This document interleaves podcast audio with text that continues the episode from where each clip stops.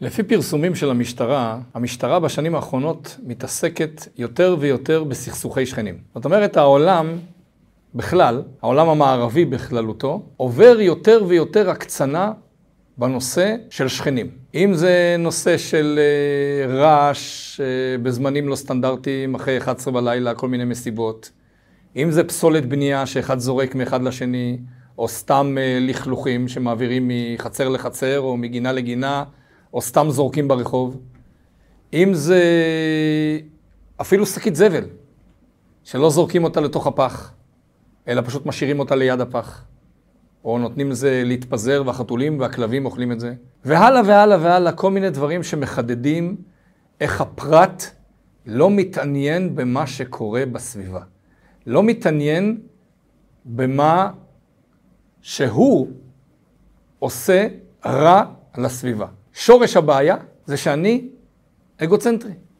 אני רוצה לחיות את המיטב. המיטב לפי הבנתי הוא איקס.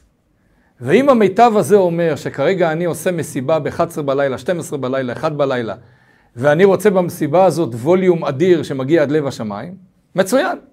אז הגיע הזמן שאני רוצה לרקוד. אבל יש שכנים שרוצים ללכת לישון. יש שכנים שהם כבר באמצע השינה. מה זה מעניין אותי? ואם אני לא מעניין אותי מה קורה אצל השכן, סביר להניח שגם השכן לא מעניין אותו מה קורה אצלי, מחר השכן יעשה מסיבה ב-12 בלילה, ב-1 בלילה, וככה זה חוזר חלילה, וזה עובר מאחד לשני, לשלישי, וזה משפיע על כל תחומי החיים. אנחנו רואים את זה בפקקים, אנשים חסרי סבלנות, כי אני רוצה להגיע ראשון, כי אני ממהר, וזה לא מעניין אותי אם אנשים עמדו בתור או לא עמדו בתור. אנחנו רואים את זה בנתב"ג, אנחנו רואים את זה בחנות ובדואר, וממש בכל תחומי החיים. אנשים מפתיל קצר רוצים לעשות הכל מהר, רוצים לעשות הכל לפי דעתם, ומה יקרה עם הסביבה, על מי דרכתי בדרך כדי להגיע למטרה שלי, פחות מעניין אותי. אז היום אנחנו נדבר על הפרט מול הכלל, ואיך התורה מתייחסת לאיך אני צריך לראות את עצמי בתוך המכלול הגדול הזה שנקרא עולם. הדוגמה הכי טובה זה גל החום ששוטף את העולם. מי לא חווה את זה? פשוט אנשים נמסים ברחובות. חום אדיר ששוטף את כל העולם, שבפשטות אנחנו כולנו יודעים שזה נגרם כתוצאה מהתחממות גלובלית, שהתחממות גלובלית קורית מסיבה מאוד פשוטה, אנשים צורכים יותר ויותר חד פעמי, יותר ויותר שקיות, ולא מעניין אותם. בסופו של דבר, מה זה חד פעמי? חד פעמי נועד לשרת אותי. אני לא רוצה לעמוד ולשטוף כלים, אין לי זמן ואין לי עצבים לדבר הזה, אז אני קונה חד פעמי וזורק אותו לפח. מה אכפת לי מה קורה אחרי זה? הבעיה שהמה אכפת לי הזה בסופו של דבר מחמם אותי. אני לא מסוגל להסתובב ברחוב. אני צורך יותר חשמל בתוך הבית.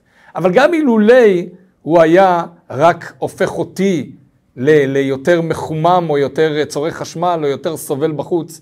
אני צריך לחשוב על מה העובדה שאני צרכתי חד פעמי בכמויות נגיד, גרמה לכל העולם. החשיבה המרכזית שצריכה להיות לאדם, ובפרט ליהודי בתוך העולם, זה אני נבראתי בתוך מכלול כזה שנקרא עולם. אמנם האדם נברא לבד, יחידי, אבל חז"ל אמרו על זה דבר מאוד יפה. ההסתכלות הראשונה של העולם זה למה נבראתי לבד, כי אני, אני אגוצנטרי. אני צריך לחשוב על עצמי, לכן נבראתי לבד, כי כל אדם צריך לחשוב רק על עצמו. לא נכון. חז"ל אמרו, האדם נברא יחידי, לומר לך כל המקיים נפש אחת מישראל, כאילו קיים עולם מלא. אם הצלת אדם אחד, אם הצלת יהודי אחד, אחד, לא את כל העולם, הרי זה כאילו הצלת את כל העולם. למה? כי האחד הוא בעצם כל העולם. כי אין כזה דבר אני לבד. יש אני בתוך כל המכלול. כמה מצוות יש בתורה שמתייחסות לאיך אני מסתכל על הזולת. כל הנושא של צדקה, כל הנושא הזה של מתנות עניים, של תרומות ומעשרות, של לקט, שכחה, פאה, הנושא של אה, אה, שביעית, הנושא של חלה, הנושא של בכלל להסתכל על כל מה שקורה אצל הזולת. כל המצוות שיסודם ב"ואהבת לרעך כמוך" זה מצוות שאומרות אתה לא לבד בעולם. יש השפעה של מה שאתה עושה על כל המכלול. אתה לא יכול להזיק לאנשים אחרים, אתה צריך לחשוב חיובי על אנשים אחרים, לתת, להם, לתת לכל האנשים מכספך, מזמנך, וכך הלאה. עכשיו, כשזה מגיע לצריכה של דברים שלנו, על חשבון הזולת, או לעשייה של דברים שגורמים לנו להנאה, אבל הם באים על חשבון הזולת, אז התורה אומרת, רגע, תעצור. ומי אומר שאתה יותר חשוב מהזולת? תתעניין אצל הזולת, כמה מזיק לו הדבר הזה, כמה זה לטעמו, כמה זה לרוחו, כמה אפשר לשלב את העשייה שלך בתוך העשייה של הזולת. אז מי אומר שהתורה לא אקולוגית? התורה מאוד אקולוגית. בואו נראה את הפסוק שמדבר על זה בפרשת השבוע. פרשת כי תצא, פרק כ"ג, פסוק י"ג. התורה מתארת מה קורה שאדם צריך ללכת לשירותים. אז כמובן שבזמנם לא היו שירותים כמו שיש היום, והיו צריכים לצאת מחוץ למחנה. ויד תהיה לך מחוץ למחנה, ויצאת שם החוצה. אז צריך לייחד מקום מחוץ למחנה, שהוא מקום של שירותים ציבורי, שבו כל האנשים יעשו את הפסולת שלהם בחוץ. רחוק מהמחנה. לא יכול להיות שהסירחון שלך יסריח את כל הסביבה. כל אחד ילך עם הסירחון שלו ויעשה אותו בחוץ. אבל אז ממשיכה התורה. ויתד תהיה לך על הזניך, ושבת וכיסית את צאתך. אחרי שאדם עושה צרכים, יש לו יתד בתוך כל הכלים שלו, הוא לוקח את היתד וחופר ומכסה את הצואה שלו. כי לא יכול להיות שמה שאתה צריך להוציא פסולת, וזה צורך טבעי מאוד. זה אפילו הצורך הכי בסיסי, אנחנו לא מדברים על תענוגות ועל מוזיקה ב-11 בלילה או ב-12 בלילה. אבל גם הצורך הכי בסיסי שלך, של לעשות צרכים, לא יכול להיות על חשבון סירחון לכל המחנה. לא משנה מי אתה, ולא משנה כמה אתה חשוב, ולא משנה מה הסטטוס החברתי שלך והמעמד שלך. בשום פנים ואופן לא יכול להיות שזה על חשבון הזולת. הלל הזקן אמר לאותו גר שבא להתגייר, יסוד כל התורה הוא, מאן דעלך שנא לחברך לא תעביד. מה ששנואי עליך אל תעשה לחברך. אם אתה לא אוהב שמרגישים לך באמצע הלילה, אל תעשה את זה לזולת. כי למעשה, אם אתה עושה את זה לזולת, אתה בעצם אומר, רק אני נמצא בעולם. עולמו של הקדוש ברוך הוא שברא אותו עם מכלול של אנשים, לא מעניין אותי, רק אני בעולם. אבל יש עוד אנשים בעולם. כל האנשים בעולם הם מחויבים לשמוע למה שאני רוצה. הם ספקי שירות של ההנאות שלי. אבל ברגע שאחד מהם יתמרד וירצה משהו הפוך ממני, אז אני כבר אראה לו את נחת זרועי. אז אני אעשה לו ככה, ואני אעשה לו ככה, ואני אעשה לו ככה, מזה נוצרים כל המריבות, והשם ישמור, אנחנו יודעים שהמריבות האלה, בכבישים, בסופרים, על מקומות חנייה, הובילו גם לרצח. כי כשאתה בעל חשיבה אגוצנטרית, רק על עצמך, רק על הפרט ולא על הכלל, זה יוביל גם בסוף להריגת הזולת. על כי אין יראת אלוקים במקום הזה והרגוני, כדברי הפסוק. כשאין יראת אלוקים, כשאין חשיבה על זה שיש אלוקים, והנה השם ניצב עליו, ואלוקים ברא עולם, והעולם שאלוקים ברא הוא עולם טוב, הוא עולם עם מכלול, הוא עולם עם הרבה אנשים. ואתה חלק מהעולם, ואתה צריך להתחשב עם כל מה שקורה בעולם. אבל כשאין יראת אלוקים, וחס ושלום אין חשיבה על זה שיש מלך לעולם, אז העולם הוא אני. אז אם העולם הוא אני, אז כל מי שלא מסכים עם האני שלי, אז אני אכלה אותו. בעומק יותר, כשאנחנו חושבים רק על עצמנו, אנחנו לא רק מחריבים את העולם, אנחנו גם מפספסים את מה שהעולם יכול לתרום לנו. בואו תחשבו על עולם עם גוון אחד, רק לבן. הכל לבן, כל הבתים לבנים, כל הפרחים לבנים, הכבישים לבנים, האנשים לבנים, הכל הכל לבן מסביב. זה לא יפה. עולם אדום, רק אדום, גם לא יפה. עולם עם גוונים, ירוק, אדום, לבן, צהוב, זה היופי. כל אדם נותן גוון בתוך העולם. אבל אם הוא משליט את הגוון שלו, ורק את הגוון שלו בתוך העולם, הוא מפספס את העולם. הוא מפספס את היופי של העולם. אז למעשה כולם יגידו בדיוק מה שאני חושב.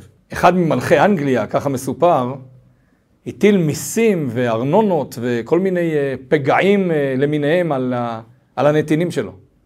בשלב מסוים היועצים שלו אמרו שהעם או המדינה לא מסכימה לכל הדברים האלה, המדינה תתמרד.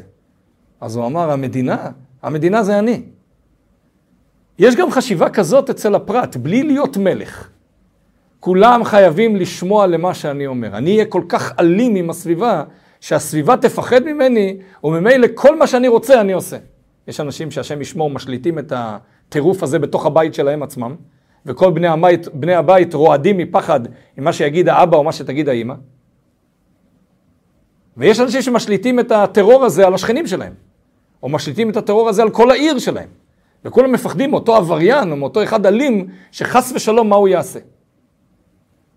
אז מעבר לזה שזה פסול כי אתה מכריח את הסביבה לחשוב כמוך, מעבר לזה באופן יותר פנימי, אתה זה שמפספס.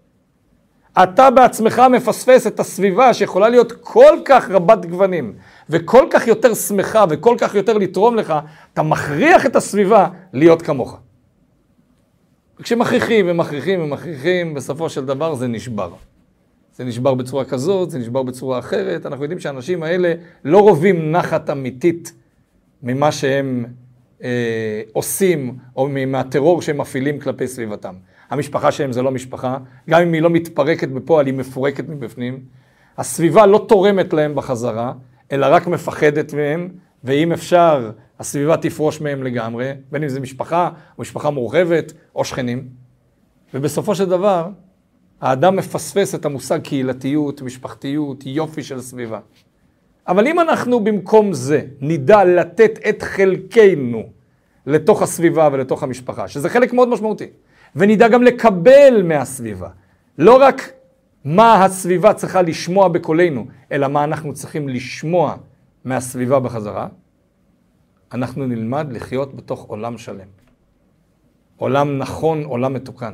אז אם התחלנו בהתחלה בשאלה, מה המשקל היותר חזק, האם של הפרט או של הכלל, התשובה היא שבעצם בכל כלל יש המון המון פרטים. המיזוג שלהם הוא הדבר הנכון. כשכל אחד נותן יותר ויותר למען הכלל, הוא גורם באופן אוטומטי שהכלל ירצה לתת יותר ויותר למענו. ולא סתם אמרו דורשי רשומות שהמילה ונתנו כשקוראים אותה מימין לשמאל או משמאל לימין, יוצא אותה מילה.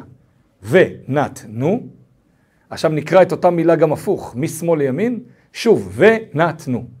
כי כל נתינה היא בעצם גם קבלה.